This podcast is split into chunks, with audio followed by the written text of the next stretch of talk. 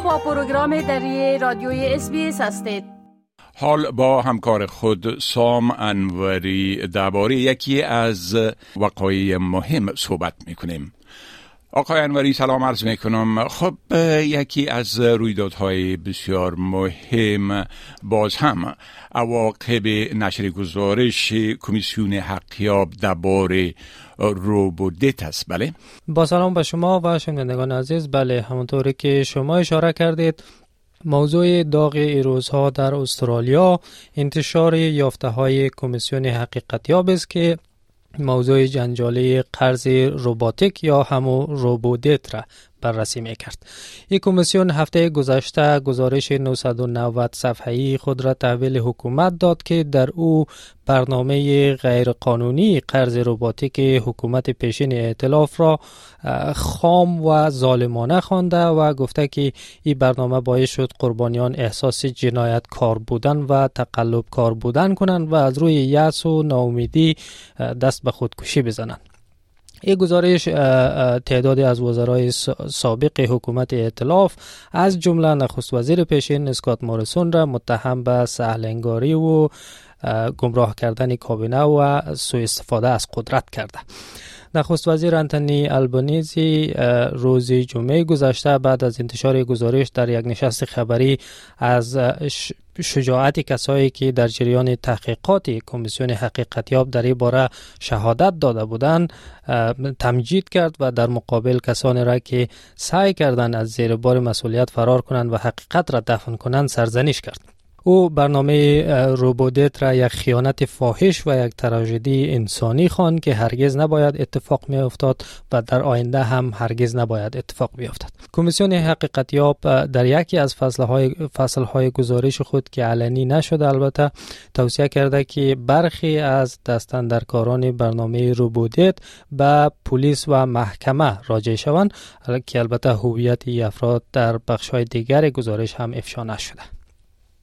بله خب سکات موریسن که نمایندگی ناحیه کوک در پارلمان فدرالی به عهده داره تحت فشار قرار گرفته که باید از پارلمان استعفا بده.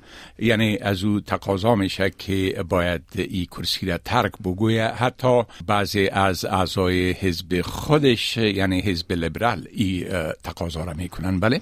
بله همانطوری که شما اشاره کردین نخست وزیر پیشین اسکات موریسون اکنون با فشار فزاینده برای ترک پارلمان روبرو است.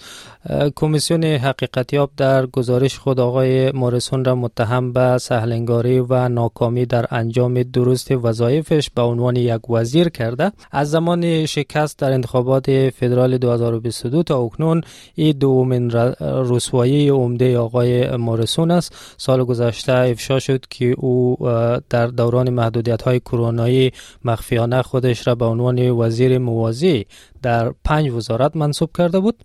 آقای موریسون بلافاصله بعد از انتشار گزارش کمیسیون بیانیه صادر کرد و در او گفت که یافته های کمیسیون را کاملا رد می‌کنه. او گفت که این یافته ها اشتباه به اساس و مغایر اسناد روشن است که به کمیسیون ارائه شدند اما برخلاف الان تاج استوار رابرت و کریستیان پورتر سه وزیر سابقی که در گزارش از اونها انتقاد شده آقای موریسون نگفته که اسمش در میان فهرست افراد که برای پیگرد جنایی یا مدنی معرفی شده هست یا خیر. همچنین روند گزینش نامزدان حزب لیبرال برای انتخابات آینده فدرال آغاز شده و گزارش ها می رسانند که این حزب قصد داره که از نامزدی آقای مارسون از حوزه کوک در انتخابات آینده جلوگیری کنه پیتر داتون جانشین آقای مارسون در کرسی رهبری حزب لیبرال در آخر هفته گذشته البته گفت که خواستار استعفای او از پارلمان نخواهد شد.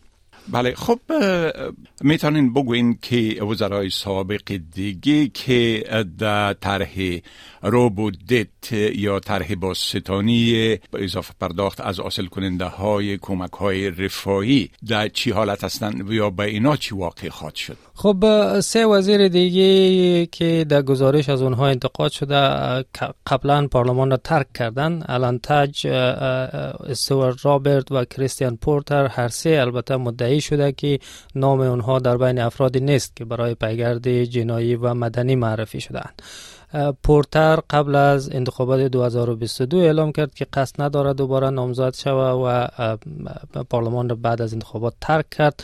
آلن تاج هم اوایل سال جاری پارلمان را ترک کرد و در یک انتخابات فرعی برای نخستین بار در بیش از یک قرن اپوزیسیون فدرال یک کرسی خود را به حکومت برحال باخت. استوارت رابرت هم در ماه می از پارلمان استعفا کرد و انتخاب انتخابات فرعی برای تعیین جانشین او روز شنبه آینده در حوزه فدن در ایالت کوینزلند برگزار خواهد شد. بله خب بسیار تشکر آقای انوری از معلوماتتان و فعلا شما را به خدا می سپارم و روز خوش برتان آرزو می کنم. تشکر از شما وقت خوش. بپسندید. شریک سازید و نظر دهید. اسپیس دری را در فیسبوک تعقیب کنید.